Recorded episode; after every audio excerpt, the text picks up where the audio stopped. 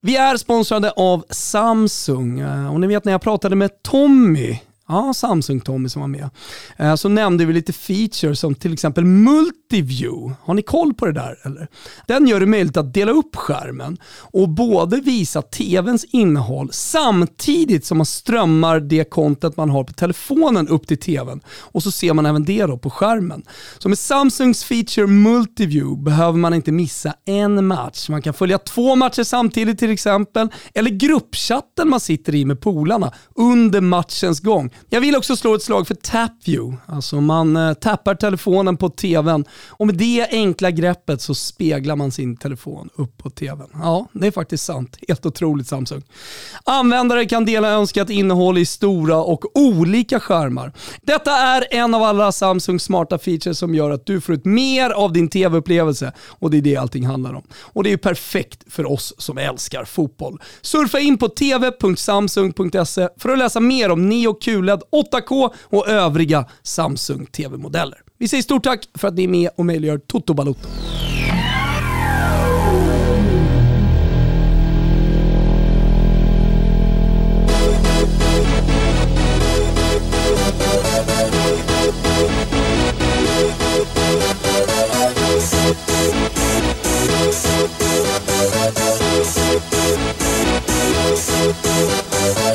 Y'all ready for this? Känner varmt välkomna till Toto Balotto. Det är torsdag den 24 juni, det är dagen innan midsommarafton och ni ska känna er varmt välkomna till Järnmalmets hemvist. Gruppsegrande Gulo Gulo. Ja. ja, men det är så det är va. Det är gul och gul och så kliver ut i den här turneringen och ja, brottar ner spanjackerna och sen tar man slovakerna och sen så vinner man över Polen lite lätt. Man går vidare till åttondelsfinal. Och, ja, det, det sköna med det här är att vi ska möta Ukraina nu i åttondelsfinal. Det är ju lite, det är, det är lite av en dans på rosor hela fotbollslivet här som svensk. Det är jag och min Jan som återigen vinner en grupp i ett mästerskap. Alltså, Ja. bear in mind hur många mästerskap Sverige ändå har spelat som vi väl där har stått för liksom prestationer som har blivit besvikelser. Ja, faktiskt. Jag menar, eh, det, det, det, det, var, det var jättehärliga år med Lars Tommy och sedermera bara Lars Lagerbäck där vi alltid gick till mästerskap men där man till slut liksom började sluta drömma. Det kändes mer som en ah ja, utopi att gå vidare från gruppen och kanske få spela en åttondelsfinal men väl där så visste man ju hur det skulle sluta. Nu med två raka gruppsegrar, och, och, och det ska vi komma ihåg, i, i grupper innehållandes lag som Spanien och Tyskland, så känner jag liksom så här, ja men kan, kan, kan, vi inte bara, kan vi inte bara låta det styra allting snarare än att vi ska hitta fel i vad som strular spelmässigt och Vadå, är, det, förbättringspotential? är det många som gör det? Ja men det är faktiskt ganska många som gör det. Visst, det, det, det, var- det var ju kul igår när Backe i liksom 95 minuter menade på att det var hur lugnt som helst, Polen har ingenting, det är total kontroll från, från Sverige. Till och med jag ställde mig upp här ute på Hattudden och liksom skrek in i tvn bara nu, får du, nu räcker det Backe! nu får du fan, nu får du fan sluta jinxa det här. Det var helt sjukt hur lugnt Backe satt i båten. Det var Ja, ja. ingen fara på taket. Polen var liksom det sämsta fotbollslag han någonsin vilat sina ögon på och Sverige satte inte en fot fel. Ah, men då menade ju, alltså så här, det, det, det fick ju rekylen hos folk att ja, men vi spelar ju knappt bra och hur kan vi vinna den här gruppen när vi liksom in, ja, men, Nej visst, Sverige har inte sett ut som Harlem Globetrotters, det, det, det, det kan till och med jag tillstå. Men vi har, liksom, vi har vunnit gruppen. Vi Det har varit, skaffat Ry- oss... det, har, det har inte varit Rysslands första femma med Larionov, Krutov och, och liga va? Makarov. Makarov ja. Hatar ju inte 60-talisterna att prata. Nej, det gör de verkligen inte. Sovjet, Sovjets första femma i slutet på 80-talet. Det är väl ändå liksom eh, att peta upp ribban på bli älskad till döden nivå av 60-talisterna om man även kan nämna de två backarna.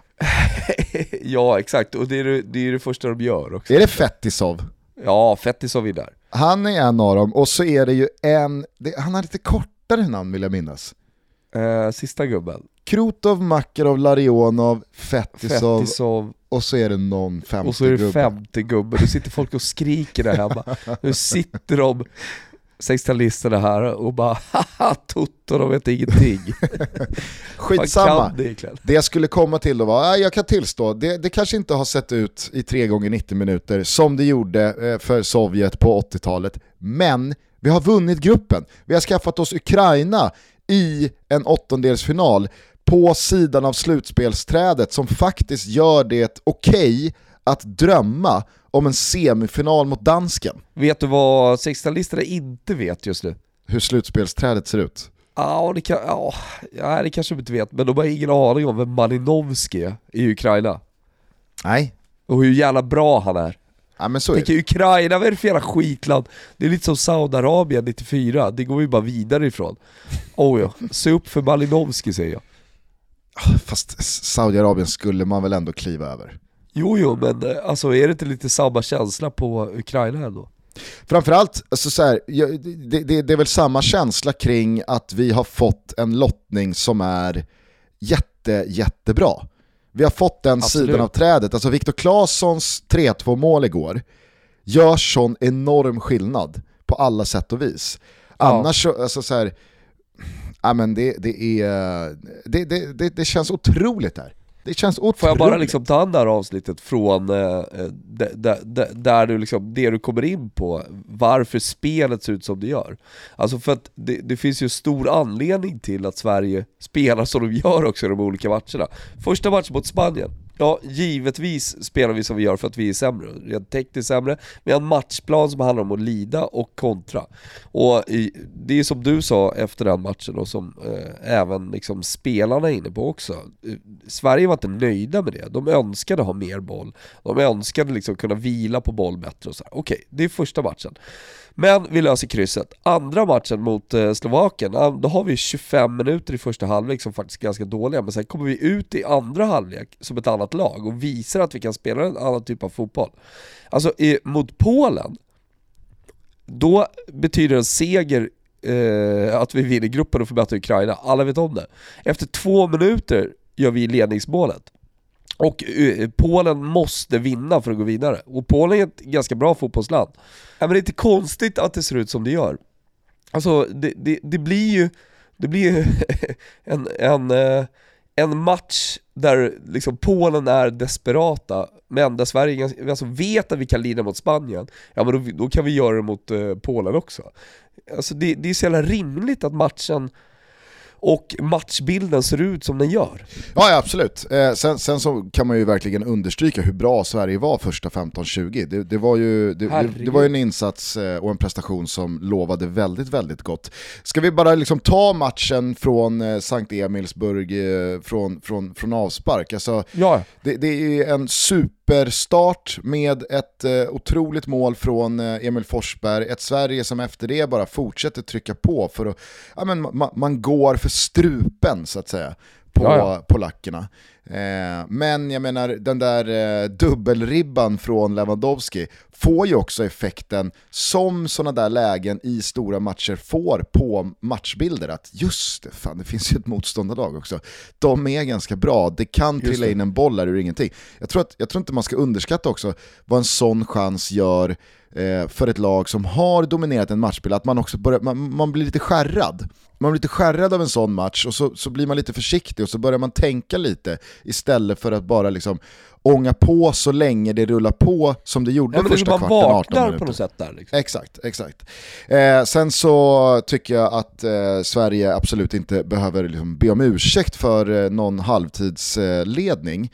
Eh, man, man, leder rättvist och som Backe ändå liksom är inne på att utöver Jag älskar att det här är Backes avsnitt lite grann. Alltså, vi börjar liksom surfa med på vad Back, hur Backe kommenterade. Jo men han började ju redan med det här snacket i första halvlek och där fanns det ju en helt annan liksom, ja, men, förståelse för hans tjänster. För jag tycker också att Alltså du är inne på det, Sverige kunde lida mot Spanien. Jag kände själv i andra halvlek mot Spanien att visst, det, det, det, jag hade gärna önskat en annan matchbild, men det känns och ser ut som att vi har kontroll. Vi har kontroll på det här, vi, vi, vi så att säga, det får se ut så här. Eh, och i den första halvleken, bortsett då dubbelribban från Lewandowski, så är det ju ganska många inlägg som antingen fastnar på första spelare eller som vi tar bort och, och har liksom eh, en, en bra struktur eh, runt eget mål. Och Robin Olsen gör ett par räddningar som kanske ser svårare och bättre ut Sam. än vad de faktiskt är. Och, ja, men, jag, jag fattar liksom vad, vad, vad Hasse eh, pratar om i, i, i slutet av första halvleken. Men sen eh, i eh, den andra så, så tycker jag att liksom, det, det, du är inne på, det är det som sker. Polen, Polen skruvar ju upp även innan 1-0. Men bytet Exakt. som Janne gör med Kulusevski, det Kulusevski gör kring 2-0 målet, det är ju det man har gått och väntat på att Kulusevski ska få ut. Och det har han ju inte fått ut egentligen någon gång i landslaget sen Nations League-hösten, och det känns ganska länge sen. Det blev en överarbetande eh, Kulusevski mot Georgien när, när Zlatan var tillbaka, han spelade inte från start sen mot Kosovo, det kändes som att han lämnade VM-kvalsamlingen med lite liksom frustration och, och eh, en, en, stukad känsla kring huruvida han skulle ha att göra i den här startelvan eller inte. Det blev fel med eh, både genrepen här mot Finland och Armenien och coronan på det, men nu så alltså det var ju alla rapporter eh, nerifrån sidlinjen också, jag tycker att Frida Nordstrand sa det jävligt bra, att det, det är sällan man har sett en spelare så fokuserad och sugen på att komma in och visa, nu när hela landet kollar, för nu är det inte liksom Nations League inför tomma läktare på Friends Arena mot Kroatien, eh, utan nu, nu sitter hela Sverige bänkade, i alla fall alla som bryr sig om fotboll. Ja. Ge mig bollen, för nu jävlar ska jag göra skillnad. Jo men vi som har följt honom i Juventus vet, och man kan ju bli ännu mer hipster liksom, och tillbaka till Parma, vet ju vad han kan. Alltså vi, vi vet ju vad, vad liksom Kulusevski är för typ av fotbollsspelare. Mm. Och när han kom in igår, då, då är det första gången i landslagströjan som han spelar utan att vara liksom junioren, utan eh, där han spelar som han gör i klubblaget. Och det, det var det liksom, han kom in med en pondus som är, och göra det i en sån där viktig match, komma in med den pondusen som han gör och, och ja men det finns ju en stor världsstjärna på den här planen, det är ju Lewandowski. Mm. Och han lyser ju, han gör allting så jävla bra, det där målet han gör är ju helt fantastiskt och så vidare, men tycker ju fan att det, liksom, den andra världsstjärnan på den där planen är ju Kulusevski. Det är i alla fall min, käns min känsla när jag kollar på det där. Ja men alltså, det, det, här, här är man väl verkligen liksom part i målet. Man blir lite jävig som svensk här när han kommer in och gör skillnad. Det är väl klart att han inte är liksom på samma världsstjärnenivå som Robert Lewandowski. Nej. Men jag delar din känsla kring att Kulusevski gjorde igår på en dryg halvtimme liksom mer än vad väldigt många har gjort på en dryg halvtimme i en landslagsräd. Det, det, det, var ju en, kanske inte karriärsdefinierande insats, men det är ju ett inhopp, en insats och ett konkret liksom, resultat av inhoppet som kommer eka länge i historien och som kommer göra en jävla skillnad på hur ett helt fotbollsland ser på Dejan Kulusevski. För jag tror att väldigt många som dels inte kunde honom inför igår, men också ganska många som var skeptiska till honom kände igår att aha, okej. Okay. Ja, ja, ja, ja, ja. Det, det, är det här som är Dejan Kulusevski. För de Nej, två... Det är, det är många de... som har alltså, de har sett Sportnytt, när han skruvar in bollar i Juventus. Alltså Dejan Kulusevski gjorde mål igen sådär, som mm. har sett dem där. Men det är väldigt, väldigt få av de, eh, vad är det, tre miljoner tittare trots allt, va? Absolut. Ja, det är väldigt få av dem som har sett honom spela fotboll på riktigt. Mm. Eh, och som, eh, det här var liksom första gången som de fick se honom. Ja, nej men och, och, och jag... Men, men det, det, det får ju mig att tänka liksom, vad gör vi? Vad gör vi med det här landslaget nu i åttondelsfinal, kvartsfinal låt oss, och så? Låt oss uh, återkomma till det, jag tycker inte vi är riktigt färdiga med Nej, Polen-matchen okay, här. Alltså jag skulle bara säga det kring Kulusevskis aktioner här, det är ju inte, för mig är det ju inte, det som sticker ut är inte bolldriften, kontrollen, tekniken, styrkan, utan det är ju den exakta beslutsfattningen i båda passningarna. Alltså hur han släpper till Emil Forsberg vid eh, 2-0 målet och hur han släpper till Viktor Claesson vid 3-2 målet. Det är Kommer du ihåg när Zlatan kommer in mot eh, Senegal Ja, jag tänkte precis säga det. 2002? Ja. Och han är liksom, han är hypad, han är uppsnackad, han är så jävla sugen själv. Och så finns det ett läge för honom att bli liksom den stora hjälten. Men där inne i boxen finns också Henrik Larsson i ett mycket bättre läge. Det är, det är mycket större chans att det blir mål om han sätter en enkel snett inåt bakåtpassning till Henke som bara ska då trycka in den i mer eller mindre öppen kasse. Men Zlatan är för sugen på att göra det själv, så han vänder inåt istället och skjuter själv och så liksom räddar målvakten. Och lite senare i matchen så går Senegal upp och gör det där eh, golden goal-målet. Det är Zlatans fel säger du? Jag säger inte att det är Zlatans fel, jag säger Jo, att... där sitter du, nu sitter du, nu sitter du och skyller förlusten på Zlatan. Hade han bara spelat. Ja, kanske ändå. Kanske. Ja, men sånt där, så, den typen av detaljer älskar jag. Ja, det här är ju i alla det, var, fall... det var som igår när vi, när, när vi tappade boll. Jag kommer inte ens ihåg vem det var nu eftersom vi vann, annars hade jag kommit ihåg vem det var. Men när vi tappar boll och eh, Polen ställer om, när du har 2-0 läge, tappa inte boll i det läget! Det är väl Alltså- Ludvig Augustinsson tror jag. Ja, exakt, just det, just det. Alltså han får inte göra det. Nej. Och Nej. det, det, alltså det, det är sådana grejer, så detaljer som jag kan ta med mig i framtiden. Jo men det var ju Ludde som tappade boll, hade han inte gjort det så hade det här gått vägen. Ja, nej, absolut. Men, för att då bara knyta ihop säcken med Zlatans läge mot Senegal för, eh, vad fan är det, 19 år sedan. 19 år sedan. Sanslöst. Sanslöst att det är 19 Ja. år sedan. Eh, så tar ju, alltså, jag tror inte ens det föresvävar Kulusevski att dra den själv med vänstern eh, vid eh, 2-0-läget, att söka det där målet som han har gjort ganska många gånger under sin tid i Verkligen. Italien, in, i synnerhet här i, i Juventus också, där han liksom håller i skottet, håller i skottet, låter försvararen gå och sen så curlar han in den med vänstern i, i bortre. Här tittar han upp, han ser Emil Forsberg komma, han ser ju också att Forsberg kommer i sån jävla hög fart, att han sätter touchen med sån lös fart för att Emil Forsberg ska kunna liksom ställa om och hinna precisera kroppen i pendeln för att möta den perfekt. Och i Viktor Claesson avgörandet, ja men då tar han den med utsidan med tillräcklig vinkel för Viktor Claesson att kunna skära in och ta inåt bollen, Just det. men inte så pass nära försvararen att han kan sträcka ut benet och nå den. Alltså det är så jävla... Åh, det är så Perfektion. bra, alltså. det är så bra, det är så bra, det är så, det är så jävla liksom mix av ja, men, det Sverige man älskar. Mixen av liksom det, det, det gamla historiska, laglojala, kollektiva, det spelar ingen roll vem som gör mål för vi vinner och förlorar och lever och dör som en enhet. Och Värsterorts jävla megapannben, ge mig bollen! Nu kommer Kullo här! Ja. Fy fan vad glad jag blev alltså. Ja, nej men eh, det, det är helt otroligt. Men vi bör ju tänka till lite här nu, Gustav. Alltså Ja. Jan Andersson bör ju tänka till. Ska vi tänka till när vi delar ut fem getingar till Albin Ekdals match erfarenhetsmässigt? Eh, nej, behöver inte tänka till utan det kan vi bara göra.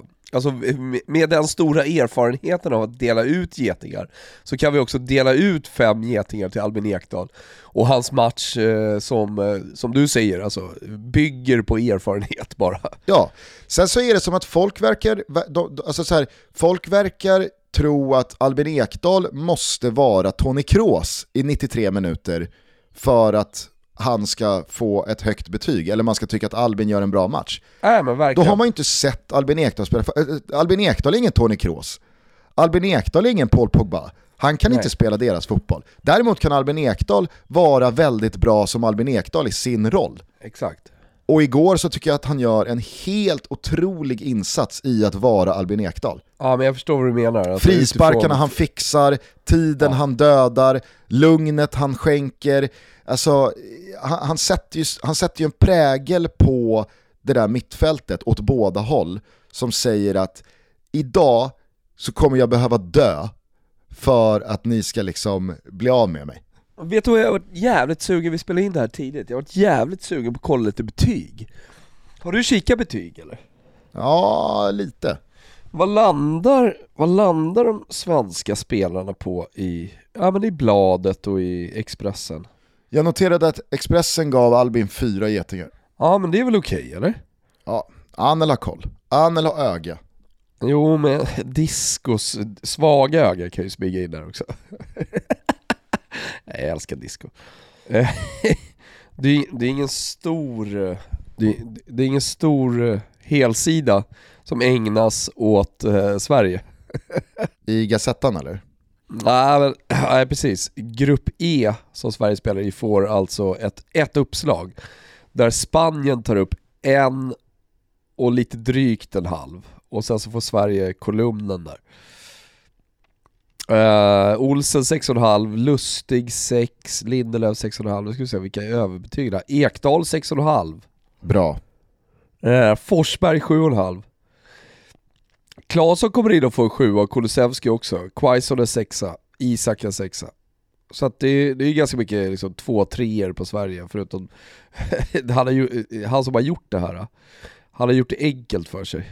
Så han är liksom bara Vänta, vad gjorde du för typ av prestationer? Jaha, Ekdal, han spelar i Italien. Han får lite, lite högre än uh, Olsson. Jag menar inte att han inte ska ha det, jag menar bara på att jag vet hur de tänker här.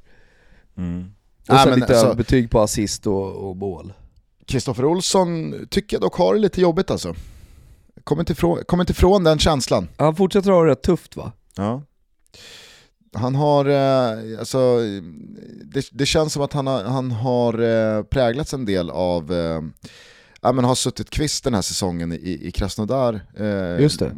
Långa perioder och att det, liksom, det, det, det, det, märks på hans självförtroende. Det är, inte, det är inte lika många av de här läckra bollmottagningsfinterna och passningsfinterna och att han vågar slå passningar som slår ut eh, lag, eh, lagdelar. Och, ah, jag vet, har hamnat lite snett i pressspelet och...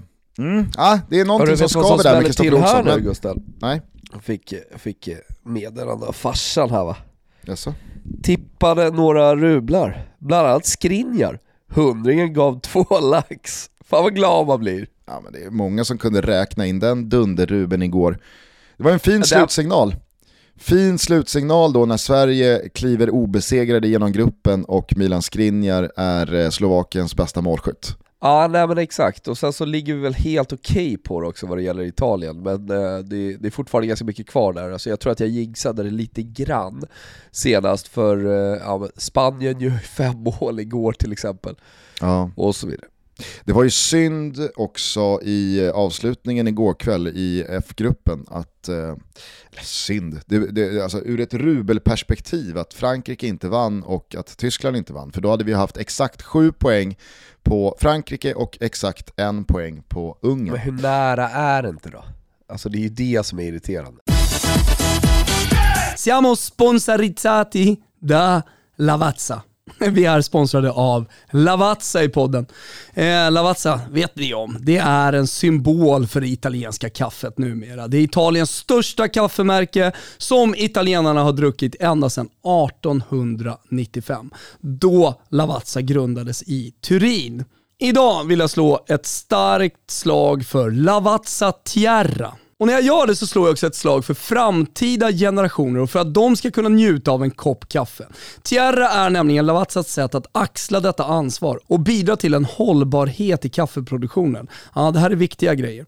Tierra kommer som två varianter, For Planet och For Amazonia. Tierra for Planet är gjord på ett uh, urval exklusiva och hållbart odlade arabikabönor från ekologiskt certifierade gårdar i Afrika, Syd och Centralamerika.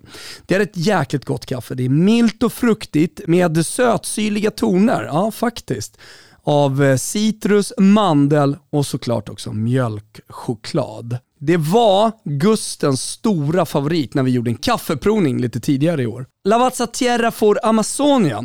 Den är gjord på ett urval exklusiva och hållbart odlade arabikabönor från ekologiskt certifierade gårdar i Peru, där Lavazza-stiftelsen är involverad i bevarandet och återplanteringen av regnskog i Amazonas. Ja, men ni hör ju. Det är ett otroligt stort och viktigt projekt. Kaffet är balanserat, det är aromatiskt med smak av tropisk frukt, florala undertoner och eftersmak av choklad. Surfa in på lavazza.se för att läsa mer. Vi säger stort tack för att ni är med och möjliggör Toto Balotto. Denna vecka har vi ett eh, makalöst fint samarbete med Kia. Äh, men ni vet Kia bilen va? Ja, över 70% av de bilar Kia säljer idag är laddbara och som Sveriges tredje största bilvarumärke så är Kia med och driver utvecklingen mot att så många bilar som möjligt ska vara laddbara. Och det är av den enkla anledningen, det fattar väl alla men jag säger ändå, att det är en investering för framtiden. Kia uppmanar därför alla att bli en del av den laddbara rörelsen som de har skapat. Men framtiden handlar inte bara om laddbara bilar och elektrifiering av hela bilindustrin. Det handlar också om hur våra barn och ungdomar mår här och nu. Och Kia gör skillnad här och nu. De har länge sponsrat barn och ungdomsfotbollen i Sverige och sedan en tid tillbaka så har de ett samarbete med Kosovare Asllani. Och Kosse, hon har ju länge brunnit för de här frågorna gällande barn och ungdomars rätt att spela fotboll på lika villkor. Att alla ska få känna sig inkluderade och delaktiga och att alla ska få känna glädjen kopplat till fotboll.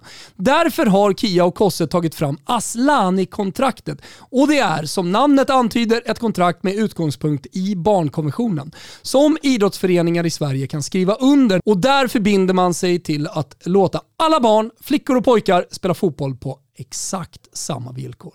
På barnens villkor, inte de vuxnas. Just idag är det över 150 föreningar som har skrivit under Aslani-kontraktet på kia.com. Ni ska göra det nu och om du själv inte sitter i en styrelse så kan du påverka genom att berätta det här för folk i din klubb. Oavsett om du bara är förälder till din tränare som kanske har en närmare anknytning till styrelsen.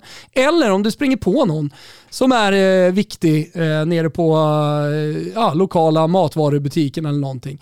Påverka och se till att din klubb också skriver under Aslani-kontraktet. Gå in på kia.com annars eh, om du som lyssnar kanske har mandat att skriva under själv. Se till att påverka. Det gynnar barnen, samhället och i slutändan så gynnar det faktiskt vårt landslag också. Vi säger stort tack till Kia som är med och möjliggör Toto Balutto.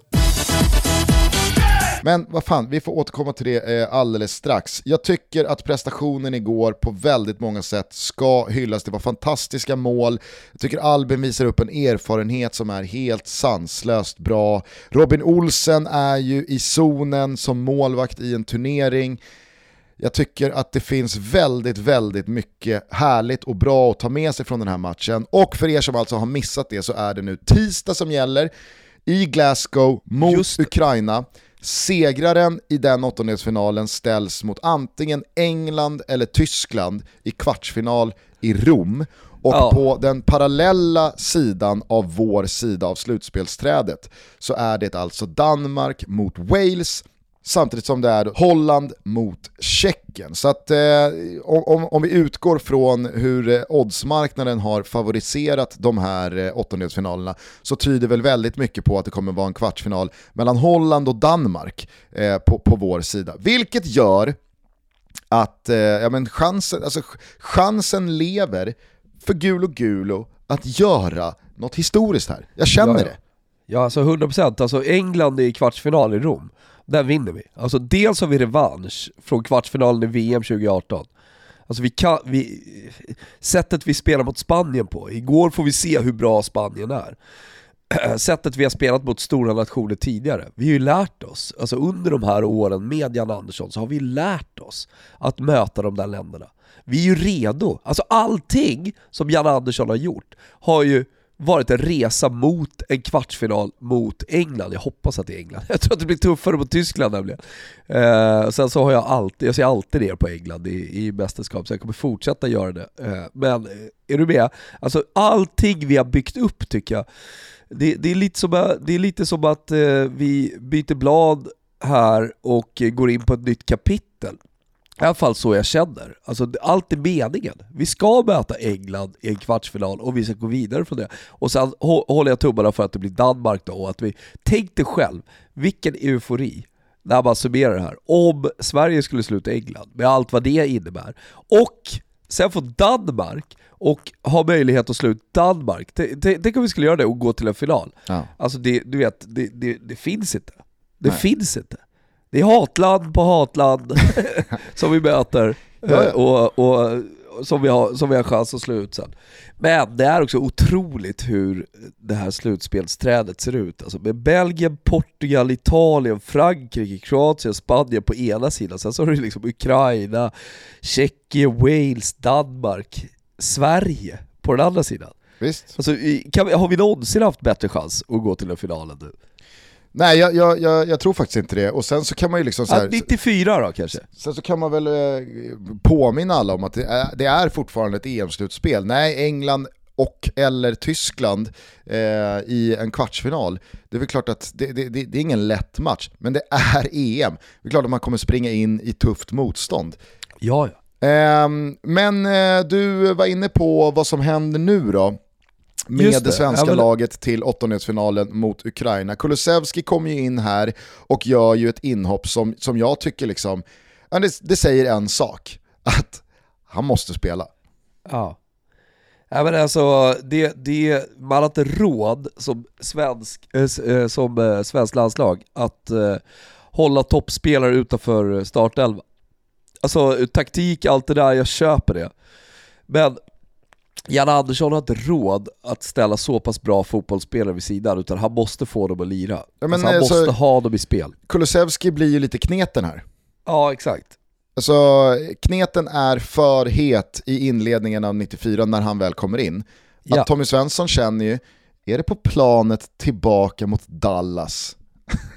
han sitter där med Tord, Tord Grip och, och, och landar i att, nej, vet du Tord, eh, Kenneth måste spela. Vad fan gör vi? Vi får dra, vi får dra ut Thomas Brolin till höger. För att Kenneth ja. Andersson måste spela. Och där är vi ju nu med Kulusevski. Ja nej, men alltså, det, det, är en sak om du är i Italien eller du är Frankrike eller vad det nu är liksom, och är världsspelare på varje position. Men Sverige, vi får inte glömma bort att vi spelar med AIKs högerytter lite grann. Så här. Alltså det, det, är AIK, AIK, eh, det är Kristoffer Olsson från en ganska dålig säsong i ryska ligan, ett lag som dessutom liksom krigar om överlevnad ganska länge i den ryska ligan också. Alltså jag, jag försöker bara bena ut det, det, det är Kina-degen kommer in va, Mackan Danielsson, eh, och sen så en andra målvakt i Everton. Alltså så här, vi, vi, har, vi, vi, har, vi har inte speciellt mycket superfotbollskvalitet i det här laget. Sen är vi som grupp otroligt starka. Och uh, uppenbarligen kan vi visa att vi kan vinna grupp gruppen och liksom brotta ner Spanien och så vidare. Vi har visat hur mycket som helst med Jan Andersson, vad vi är kapabla till. Men, nu måste vi spela våra bästa spelare. Och sen exakt hur det ser ut, var han får in dem, det vet jag inte. Men de bästa måste vara på plan nu när det blir åttondelsfinal, tycker jag. Jag tycker återigen att anfallsparet Alexander Isak och Robin Quaison står för en insats som stärker Marcus Berg-aktien, om du förstår vad jag menar. Absolut. Eh, jag tycker att eh, Quaison, hans insats blir varken hackad eller malen och jag tycker att man saknar en hel del i just ja, men, i försvarsspelet i form av eh, första pressen men kanske framförallt Marcus Bergs förmåga att få fast bollen, att eh, vinna lite frisparkar, att döda tid. Jag tycker att eh, det, det, det, blev en insats som gör det svårt att motivera varför Robin Quaison ska starta en åttondelsfinal. Å andra sidan, tar man in Marcus Berg här, återigen i startelvan mot Ukraina, då vet jag inte riktigt hur man får in eh, Kulusevski utan att man rör till det för mycket Nej, på det där mittfältet. Nej, men jag, jag, för Sebastian, jag... Larsson, Sebastian Larsson, alltså han, han är opetbar, jag säger ja. inte att han är ofelbar, men han är lagkapten i ett lag som vinner ja, en grupp. nya graden här. ja men det blir lite så. Sen om Sebastian Larsson spelar till höger eller om han spelar centralt, jag vet inte. Det, en, det, det som skulle kunna funka det är ju att plocka Koffe, dra in eh, Sebastian Larsson och spela Kulusevski ute till höger.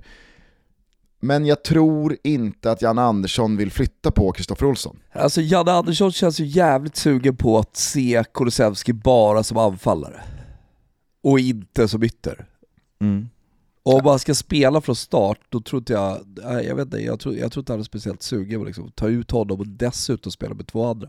Alltså jag hoppas jag har fel, för jag tycker att han, han kan definitivt starta mot Ukraina ute till höger.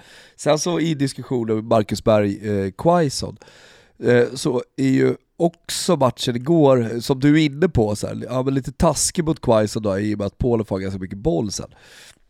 Men jag tycker fortfarande att det är han som eh, ska starta, återigen, in med de bästa fotbollsspelarna. Jag tycker, jag tycker Quaison är en mycket bättre fotbollsspelare än, eh, än Marcus Berg. Jag tycker att eh, hans prestation när han kom in förut var liksom mycket, mycket bättre och viktigare än eh, Marcus Bergs prestation när han kommer in igår. Alltså det, det, det, det, det jag, jag, undrar, vad ska han ge oss här? Och det här felvända targetspelet som folk har pratat om, jo, han är okej där. Alltså, vi, vi, ska, vi, vi ska definitivt inte eh, överskatta Marcus Bergs felvända targetspel. Han är okej, men han är inte Zlatan. Nej. Och Eh, det tänkte jag lite på igår när jag såg honom komma in. Så här, ah, fan skönt, nu kan vi lyfta lite bollar på Marcus Berg. Och så vinner han ju någon frispark, vilket han gör jätte, jättebra. Men sen så tappar han någon boll också. Och då kände, vet du vad jag kände då? Stor, stor saknad efter Zlatan Ibrahimovic. Det gör alltså, väl alltid? Vi, Ja det gör jag ju visserligen hela tiden. Alltså jag kan ju vakna på morgonen och känna fan jag saknar Zlatan här. Men eh, nej, jag, jag, alltså jag kände, hade vi Förutom när du tänker på Senegal-matchen för 19 år sedan. Nej men exakt, fan lira Henke, exakt. eh, nej men, eh, jag, jag tror inte folk förstår hur mycket bättre det här laget hade varit med Zlatan. Alltså vi hade varit så sjukt mycket bättre, just med tanke också på hur vi spelar. Och hur, hur skönt det skulle vara för det svenska landslaget att ha Zlatan och bara skicka långt på när det börjar bli jobbigt. Men skitsamma, det kan vi, inte, vi kan inte fasta i det. Nej nej för fan, jag, jag du, det, låter, det. det. låter på dig som att du röstar för att Kulusevski rakt av tar Quaisons plats i startelvan mot Ukraina. Nej, ja, alltså jag tror så här. Ska jag vara ärlig då? Nu ska vi se. nej, jag ska ljuga. Eh, nej men jag, jag tycker att eh, Sebastian Larsson kliver in centralt med Albin Ekdal. Och Kulusevski spelar till höger och sen Quaison Isak på topp. Det är nog min favorituppställning mot Ukraina.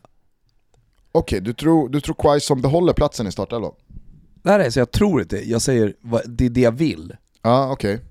Och vill du höra vad jag tror? Vad tror du då? För att, alltså så här, Janne är väl den sista som eh, missade Kulusevskis impact igår liksom. Så han oh. sitter ju med samma tankar han också. Hur får ah, man in det... Kulusevski i elvan? Ja, äh, men exakt. Äh, men det är klart det skulle kunna bli så. Alltså, det, det, men, alltså återigen, så här, jag vill bara in de bästa på planen. Det, det tror jag, det tror jag är liksom det viktigaste för mig. Och jag tycker Quaison ska vara i en svensk eh, startelva. Så att så här, vad jag, ja, jag tycker Kulusevski till höger och så Quaison Isak på topp och Emil Forsberg till vänster. Det är vad jag tycker. Mm. Vad jag tror är att, uh, att Kulusevski slåss med Quaison och med plats uh, att, att starta. För Isak rör, rör man inte på. Nej. Fortfarande inte gjort ett mål. Nej, och det var väl lite som vi snackade om senast där, att det det kanske inte riktigt är läge att damma av frasen mycket snack, lite grillat.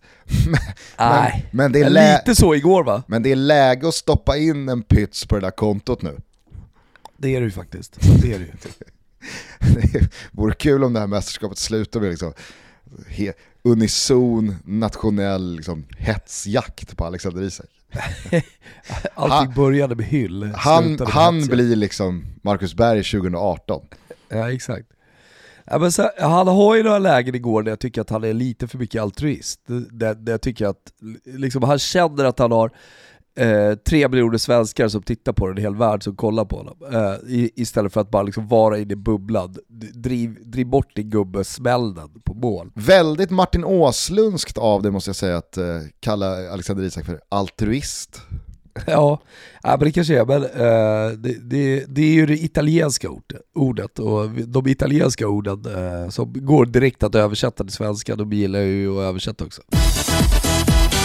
Vi är sponsrade av Gillette Eh, men framförallt King C Gillette. Nu har de lanserat det enda varumärke som får bära grundarens namn 120 år efter hans banbrytande uppfinning. King C Gillette är en one-stop shop för allt du behöver för att raka, trimma och vårda ditt skägg. Jag är inne i mästerskapet va, så jag håller på att spara lite skägg, men jag använder beard trimmen. Säg det inte till någon. Jag håller lite schack på skägget ändå. Det är en otroligt bra beard trimmer och man kan fuska med slutspelsskägg, det går.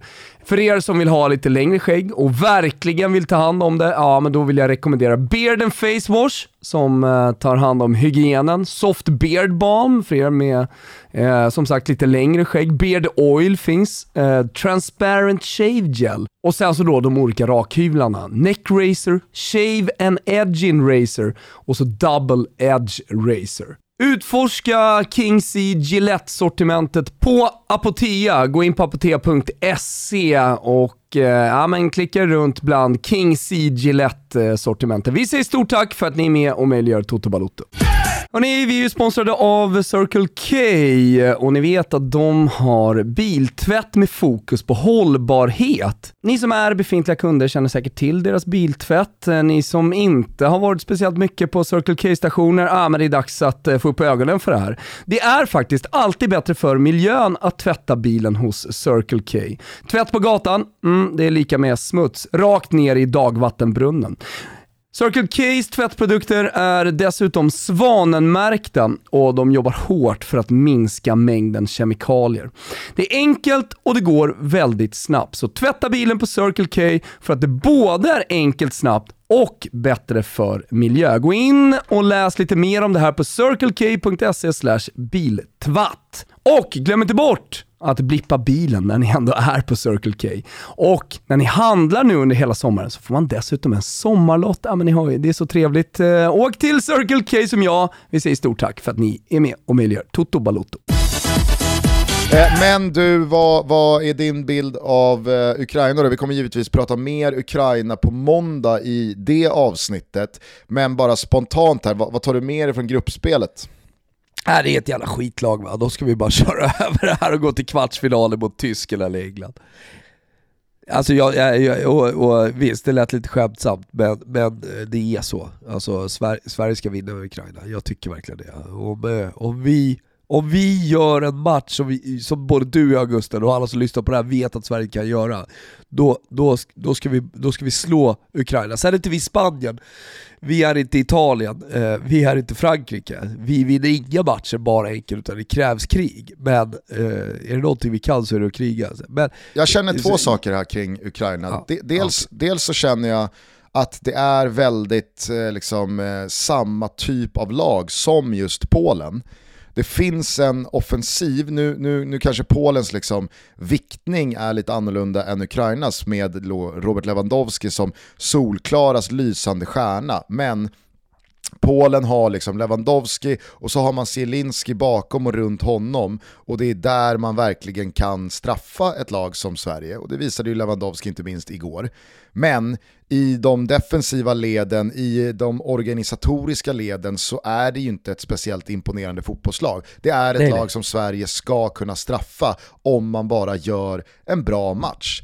Eh, men jag tycker ju att eh, det, det, det, det, man ska liksom landa i här, det är att om någon hade frågat mig innan turneringen drog igång, vilket lag hade du helst velat möta i en realistisk värld? Liksom? drömmotstånd i en åttondelsfinal. Ja.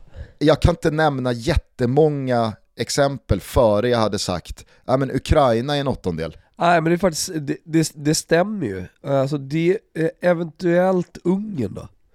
Ja men det är väl lite sådär... Det är, men det är samtidigt på samma nivå alltså, för Ungern har ju, och det har, de har ju lärt sig under det här gruppspelet, men alltså de lyfter ju sig med publiken. De Abs har lyft sig. Absolut, och, och, och, även fast det var väldigt nära med facit i hand, så var det ju aldrig realistiskt att Ungern skulle gå vidare från grupp F inför. Alltså den känslan hade man ju inte. Alltså, det, det hade väl kunnat gå och hoppas på någon typ så här. Ja, men jag, jag kanske hade tagit Finland före Ukraina pre-mästerskapet. Men efter att ha sett de, de lagen i, i gruppspelet så känner jag nog ändå att nej, jag, jag tror hellre Ukraina än Finland. Eh, Nordmakedonien, mm, kanske. Men alltså så här, ni, ni, ni, ni fattar vart jag vill komma. Det är inte jättemånga utfall man hellre hade velat ha än det Sverige fick. Nej, och då kan vi väl påminna folk som inte riktigt minns då att uh, Ukraina, de hamnade i samma grupp som Holland, Österrike, Nordmakedonien. Och vad gjorde de där? Vilka är det vi möter? Jo, de fick tre poäng.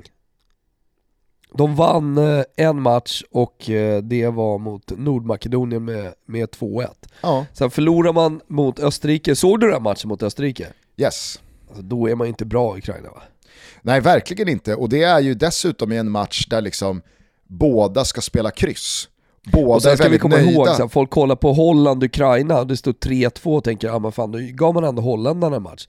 Alltså man sätter ju de två chanserna man har. Det är en frispark eh, där man kliver upp, det är helt ofattbart hur Ukraina lever i den matchen. Och det, och det ena är ju då ett drömmål av Jarmolenko. Mm. Men i övrigt så är det ju total, nästan förnedring från Hollands sida av, Förnedring, av Ukraina kanske, spelmässigt. förnedring kanske är att ta i. Ja, det är förnedring. Alltså, det, det, det är sån överlägsenhet från, från Holland. Så Det är går- i alla fall Sen ett- så kliver Burschen in och förnedrar vidare, för Ja. de får ju knappt ha bollen. Jag gör ju, jag gör ju mer av eh, förlusten mot Österrike när man alltså gynnas av ett, eh, ett kryss och tillåts liksom, eh, ja, men, spela oavgjort mot ett Österrike som är fine med att spela oavgjort. Och Så. ändå står man för en riktigt, riktigt svag prestation. Så, Österreich- Nordmakedonien-matchen, den är rörig, man tar ledningen välförtjänt och är riktigt bra mot Nordmakedonien ska ju sägas, första halvtimmen, första 40 minuterna. I andra halvlek så svänger det där åt båda håll och Nordmakedonien hade kunnat liksom rättvist kvittera. Eh, Malinowski bränner ju en straff men det byts chanser åt båda håll. Men den där Hollandsmatchen tycker jag verkligen kanske är det bästa showcaset på det jag ser framför mig i åttondelen här på tisdag. Att gör man bara en bra spelmässig insats offensivt mot Ukraina så är inte spelarna, spelare för spelare, tillräckligt bra och de som lag är inte tillräckligt bra defensivt för att stå emot. Det kommer släppas till chanser. Sen så Jo. kan ju liksom Jarmolenko göra ett sånt mål han gör mot Holland, även mot Sverige. Det är, det är inte så jävla mycket att göra åt. Malinowski har en otrolig vänsterfot och, och eh, jag tycker att Sinchenko har Ja. liksom visat klass i, i, i eh, många perioder av de här tre gruppspelsmatcherna. Och Jaremchuk längst fram, ja, men det, det, det, det, det, det är en monster. anfallare som kommer kunna liksom sätta Vigge och, och våran Mackan i, i arbete. Men sammantaget ändå, det, det, det, här är, det här är en bra, det, det är en bra jävla motståndare för Sverige. Ja, ja men det är det ju såklart. Alltså, man vill inte snacka ner dem för mycket, för det känns att vi är inne på liksom jinx-surr här nu kring, kring Ukraina, men då får det väl vara det. Vi Alltså, blir låt, Hasse Backe. låt oss vara tydliga. Tror du Backe skräms av Ukraina eller? Nej, nej, nej, han kollar, pissar ju på Ukraina alltså. Han sitter och bara garvar och liksom, eh, sitter och analyserar Sverige, Tyskland, Sverige, England nu. Sitter med videoanalys av Tyskland, England för att göra en bra kvartsfinal i TV4. Jag vet inte om ni har kvartsfinalen, det får vi väl eh, se, det kan ju bli ändring och sådär. Men ni har åttondelsfinalen, eller hur? Det har vi. Härligt. Det har vi. På tisdag så är det äntligen dags för svensk jävla slutspelsmatch i ett mästerskap igen. Ja, Oj, inga oj, oj, ribba ut nu alltså, nu är det dags för ribba in i ett mästerskap. Jag är Ja. trött på att gå ifrån, eh, kommer du ihåg vad jag sa inför eh, eh, EM här? När jag hade sett eh, Joakim Aspelins, Aspelins. Eh, ja precis, hans EM-krönika. Alltså och att Ja. jag lämnade med känslan Eh, med, med revanschkänslan, alltså väldigt tydlig så här, revanschkänsla. Nu jävlar, nu ska, nu ska det bli moll i, i EM i Janne här. Och den har jag fortfarande med mig in i den här åttondelsfinalen. Skulle det Det är bli revansch, moll? det ska vara ribba in. Jo men, vill du ha moll? Nej, dur. jag vill ha dur. Jag trodde, jag trodde du bara hade ett nytt uttal på mål. Jag vill ha moll. Nej, jag, jag, jag vill ha dur, det är tidig morgon Du- som vi spelar in. Du rörde ihop det med moll och dur. Ja. Ja, så, säkert. Än en gång. Eh, exakt, inga jävla, inga jävla mer ribber eller stolpar från Henke och Ljungberg mot Holland 04. Inga mer liksom stolpträffar efter snurrfinter från Anders svensson. Alltså, nu, Exakt. nu, Nu ska ska, marginalerna med oss. Ja exakt. Jag kan vet du vad jag kan tänka mig? Jag kan tänka mig att ha lite marginaler mot mig mot Ukraina, men ändå gå vidare. Och sen så tar vi precis alla marginaler med oss när vi möter England i kvartsfinal. Ja, absolut, absolut. Men som sagt, mycket mer snack om eh, Sverige Fatt- mot Ukraina på måndag. Eh, Ja men Gustav vänta, fattar du vad perfekt när England slår Tyskland och eh, hela öarna kommer veta, och vi får Sverige i kvartsfinal. Alltså it's coming home. Det är klart. Du vet, så, så Ja, ja. kliver, kliver stolta Svedala in och sänker dem i kvartsfinalen. Förstår nu, jag, jag vet inte om, det, om du kan det, men alltså förstår vilken njutning det hade varit. Det kommer ju aldrig hade- resas igen. Alltså det är ett England som för evigt är eh, knästående inför stolta Sverige. Men hade det inte känts ännu lite bättre att ta skalpen mot tysken?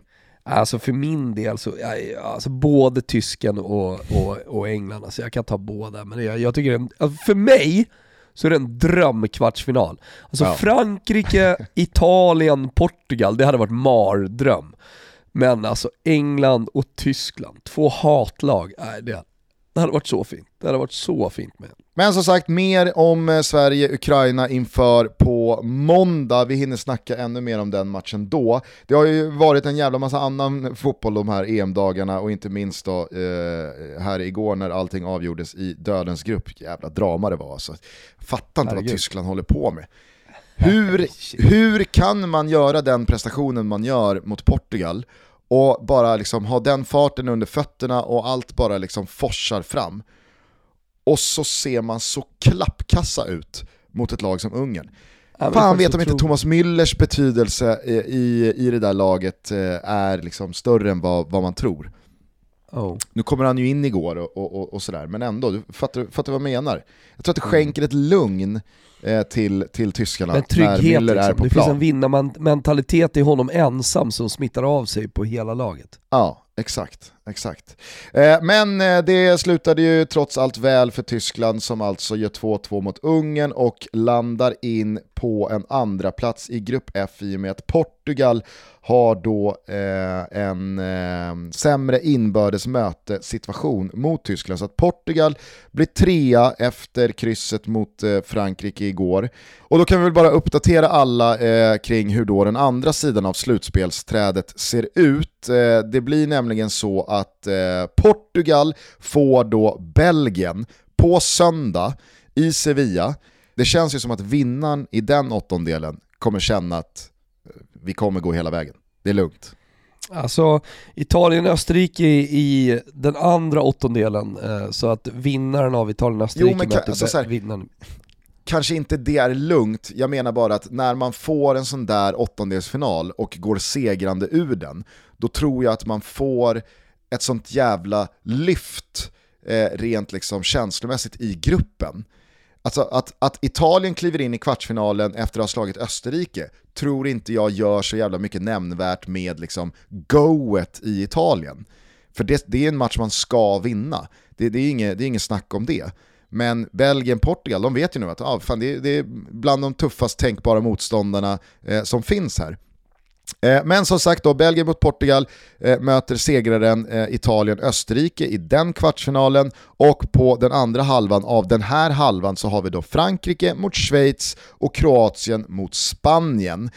Segrarna där möter varandra i en kvartsfinal. Vilket gör att här, väldigt mycket talar ju för kvartsfinaler där mellan Spanien och Frankrike samt Italien då mot Belgien eller Portugal. Alltså vilken jävla, vilken tv-dröm till eh, slutspelsträd på den sidan. Ja, nej, men det är helt sanslöst alltså. Och alltihopa börjar på lördag. Nu blir det ett par dagar vila. Uefa, de eh, har kikat på den svenska kalendern va, tycker att eh, nu tar vi lite midsommar. Och sen är vi tillbaka på, på lördag och då sparkar allting igång. Eh, Wales-Danmark. Ska vi bara ta, vänta, ska vi bara ta lite kort den, da, den danska megaflyten här va? Alltså Alltså, vad är det för megamyllan, lottning de får? megamyllan på andra sidan Öresundsbron får mig fan att vilja spy. Spy vill jag göra. Alltså, Tre poäng, en Ja. seger i gruppen och man löser Och Wales. Wales. i en åttondelsfinal och sen då vinnaren av Holland-Tjeckien i en kvartsfinal. Va? Har man, har man riktig megamylla så får man Sverige i en semifinal. D- Då har man ju, då har man ju mega omylla i och för jag sig. vet, men så som de tänker. Alltså jag sätter mig in i, liksom i, i, det, i det danska sättet att tänka. Är med? Ja, jag, Men, jag är ledsen, men eh, det, vi kommer aldrig få Danmark i semifinalen för att Holland kommer göra slarvsylt av Danmark i kvarten. Det, det, det är Ja, tyvärr. nej, så är det. Så är det. Och så kan vi räkna hem ytterligare en rubel. Dansken ut i kvarten. Oj oj oj, det hade varit så jävla fint alltså. vi, har- vi, vi har gått rätt bra va, eh, med rubblarna. Vi lever, Lever på Betsson? vissa håll. Lever Betsson, alltså, eller har de plockat ner skylten? Hon plockar ner sajten där borta. Error 404. Exakt, sidan kan inte hittas. Vad är det som händer där borta? Vad fan är det här? Nej men eh, vi har gjort ett bra mästerskap, det måste man, måste man ju säga. Du vet jag håller på med, jag håller på och förvaltar en lax också med, eh, mot Sonnerts gäng där. Rövgänget borta på Gambling Cabin. Ja, Och, eh, följer jag med stort intresse på Twitter. Ja, du, du, du har också sett eh, att det har gått rätt bra va? Det har jag sett.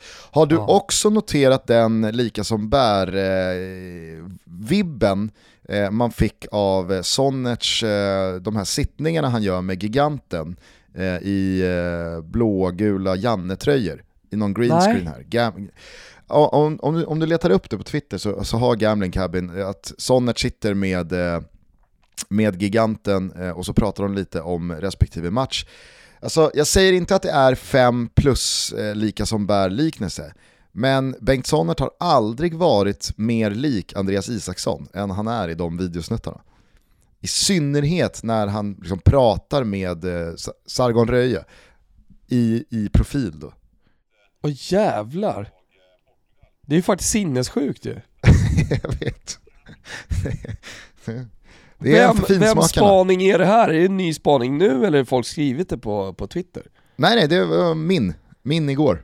Ja det är det. Alltså du, oj oj oj. Så, den typen av lika som bär spaningar älskar jag. Vi är sponsrade av Sonos och den här sommaren så är den stora nyheten Sonos Roam. Den är IP67-klassad, vad är det för någonting undrar ni? Jo, det innebär att den är helt vatten och dammtät, dessutom väldigt, väldigt stöttålig. 10 timmars batteritid i aktivt läge.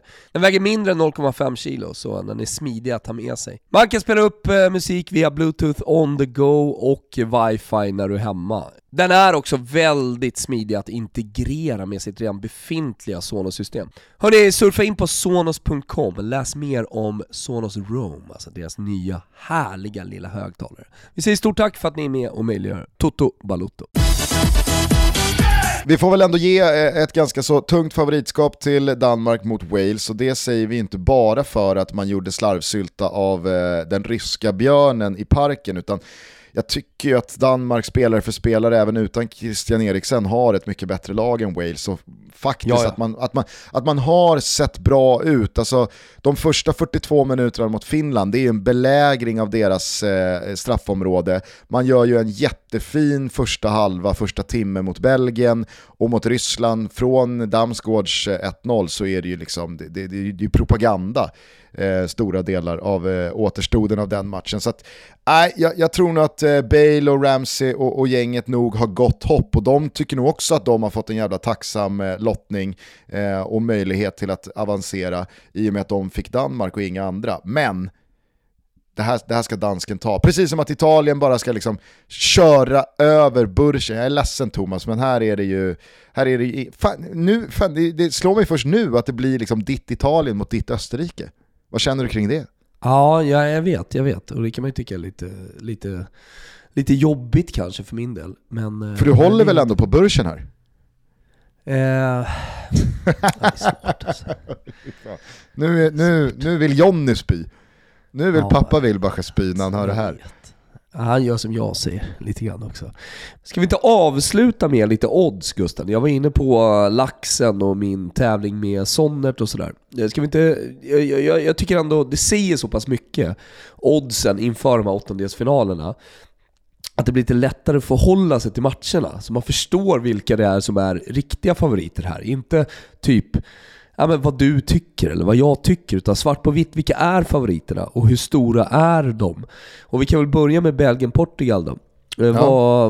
Vad, vill, vill, du, vill du gissa eller vad de står i? Nej men eh, jag hade väl eh, placerat Belgien på kanske 2 2.25, 2.30, 2.35.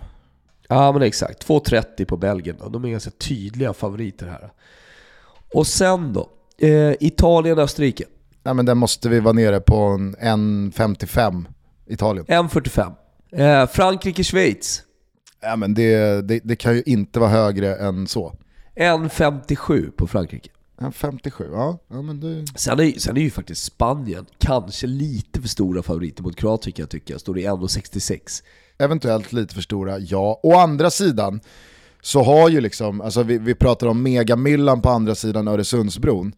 Alltså Spanien fick ju igår väldigt mycket retroaktiv utdelning för alla de sinnessjuka bränningar man stått för i de första två matcherna. Absolut. Och marginaler som gått emot sig. Återigen en straffmiss på det. Alltså det är här, Spanien är ju bättre än vad folk tyckte efter 180 minuter och två poäng. Absolut. Ja men så är det ju såklart. Eh, Sverige står i 2,37 mot Ukraina, så ganska tydliga favoriter men inte, inte jättestora. Men vet du vad 2.37 är? Nej, Det är gurka. Det är hämt. Gurka. kanske det är alltså. England-Tyskland då, lite svårare. 2,55 på England. Och 2,90 då på Tyskland för de som inte riktigt har koll. Så ändå tydlig favorit på England där. Men där känns det väl som att det kommer korrigeras lite. Alltså folk kommer, marknaden kommer ju spela Tyskland eh, så länge de är uppe och nosar på tre gånger pengarna. Det är sant. Eh, Det är mitt bästa spel i livet måste jag säga. Eng, eh, Tyskland till 3,15 mot eh, Brasilien 2014. alltså, Ja. har man någonsin gjort ett bättre spel? Nej, Ja, det är sant. Eh, Holland då, 1,66 mot Tjeckien. Den är man ju sugen på att bara klippa rakt av. Alltså.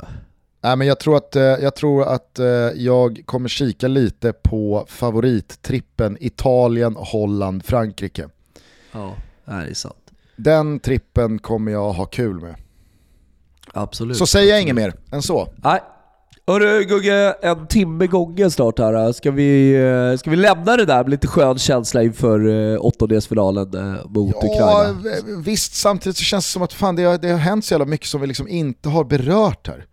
Eller är det bara så att liksom Sveriges avancemang och Sveriges match mot Polen dominerar hela liksom känsloflödet? Jag vet inte. Faktiskt, faktiskt. Alltså jag har ju suttit och gjort alltihopa. Jag har sett varenda frame, eller det har jag inte gjort för jag har stått i studio och stått och pratat också. Men alltså jag har ju varit med genom hela det här mästerskapet. Men idag, då tar vi bara med oss känslan. Sverige vidare som gruppetta, sju poäng, möter Ukraina och kan få England eller Tyskland då i, eller kommer få om man går vidare, i kvartsfinal. Alltså det, för mig, en jävla dröm är det. Ja.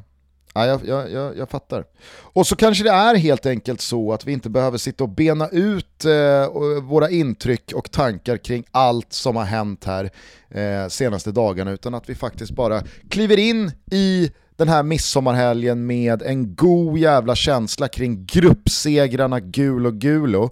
Vi hörs igen på måndag, då tar vi tag i åttondelen mot Ukraina än mer och så snackar vi ner de åttondelar som varit. Ni vet ju vid det här laget att man med ett simor abonnemang följer hela det här Europamästerskapet utan avbrott och det är åttondelsfinaler som drar igång redan på lördag. Men det är ju inte bara därför man ska ha ett simor abonnemang du missade inte den stora jävla fina megabomben igår va?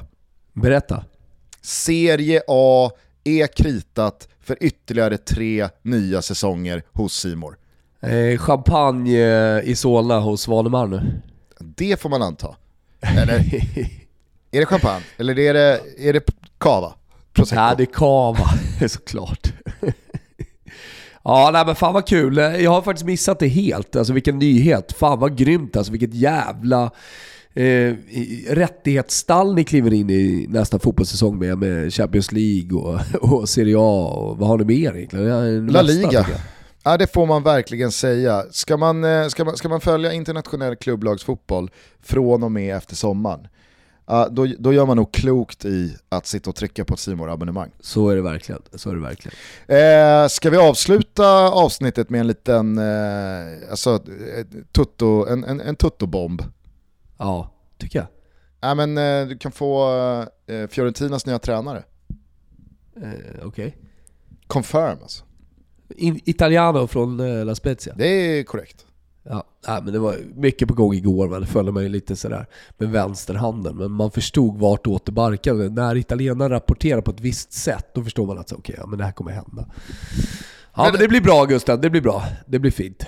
Det, det, det, det, det, vi har inte hunnit snacka liksom om Gattuso-grejen.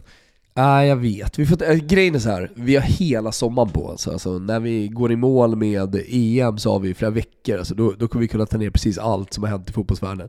PSGs jävla sjuka sommar de gör liksom. Ja. fan håller de på med? Alltså vad är det för bicepsflex att landa Donnarumma och Hakimi? Ja, och Sergio Ramos vad det verkar och så vidare. Så ja. de är inte klara än. Nej. Nej. Otroligt, otroligt. Är det. otroligt är det. Hörru, eh, ha en jävla fin eh, midsommar. Detsamma och eh, till alla som eh, lyssnar och hänger med oss alltså. Ha en jättefin midsommar, vilken härlig sommar vi har tillsammans. Vi hörs igen på måndag, men ni ser oss båda igen redan till helgen. Eh, käka lite sill, ta en nubbe, krama din närmsta och njut av sommaren. Ciao tutti! Ciao tutti! Säg vad vet om, om vad som försiggår här så säg vad vet de om vad som krävs för att stå där? Redan för sent för mig att vända från alla blickar konstant Jag vill sticka från scenen, hon vill dricka champagne När mina drömmar var så långt ifrån jag glömmer aldrig vart jag kom ifrån. Innan allting var om pengar, innan allting var om cloud, Allt jag ville var om make it, make it. Försökte bara ta mig out. Såg chansen och jag tog den, trodde jag var ready, trodde jag var game. Nu det handlar bara om pengar, nu det handlar bara om fame. Hon vill ta mig för the money, ta mig för the money, ta mig för the fame. Hon vill ha mig för the hundreds, ta mig för the hundreds, klart jag make it rain. Jag gick ensam där i regnet, med båda fickorna på drought. Innan allting var om pengar, innan allting var om cloud Bad bitches wanna touch me. Jag måste shake them off. Yeah, yeah, Jag måste shake them off. Känns som att någon watch me. För varje steg jag tar yeah, yeah, För varje steg jag tar Bad bitches wanna touch me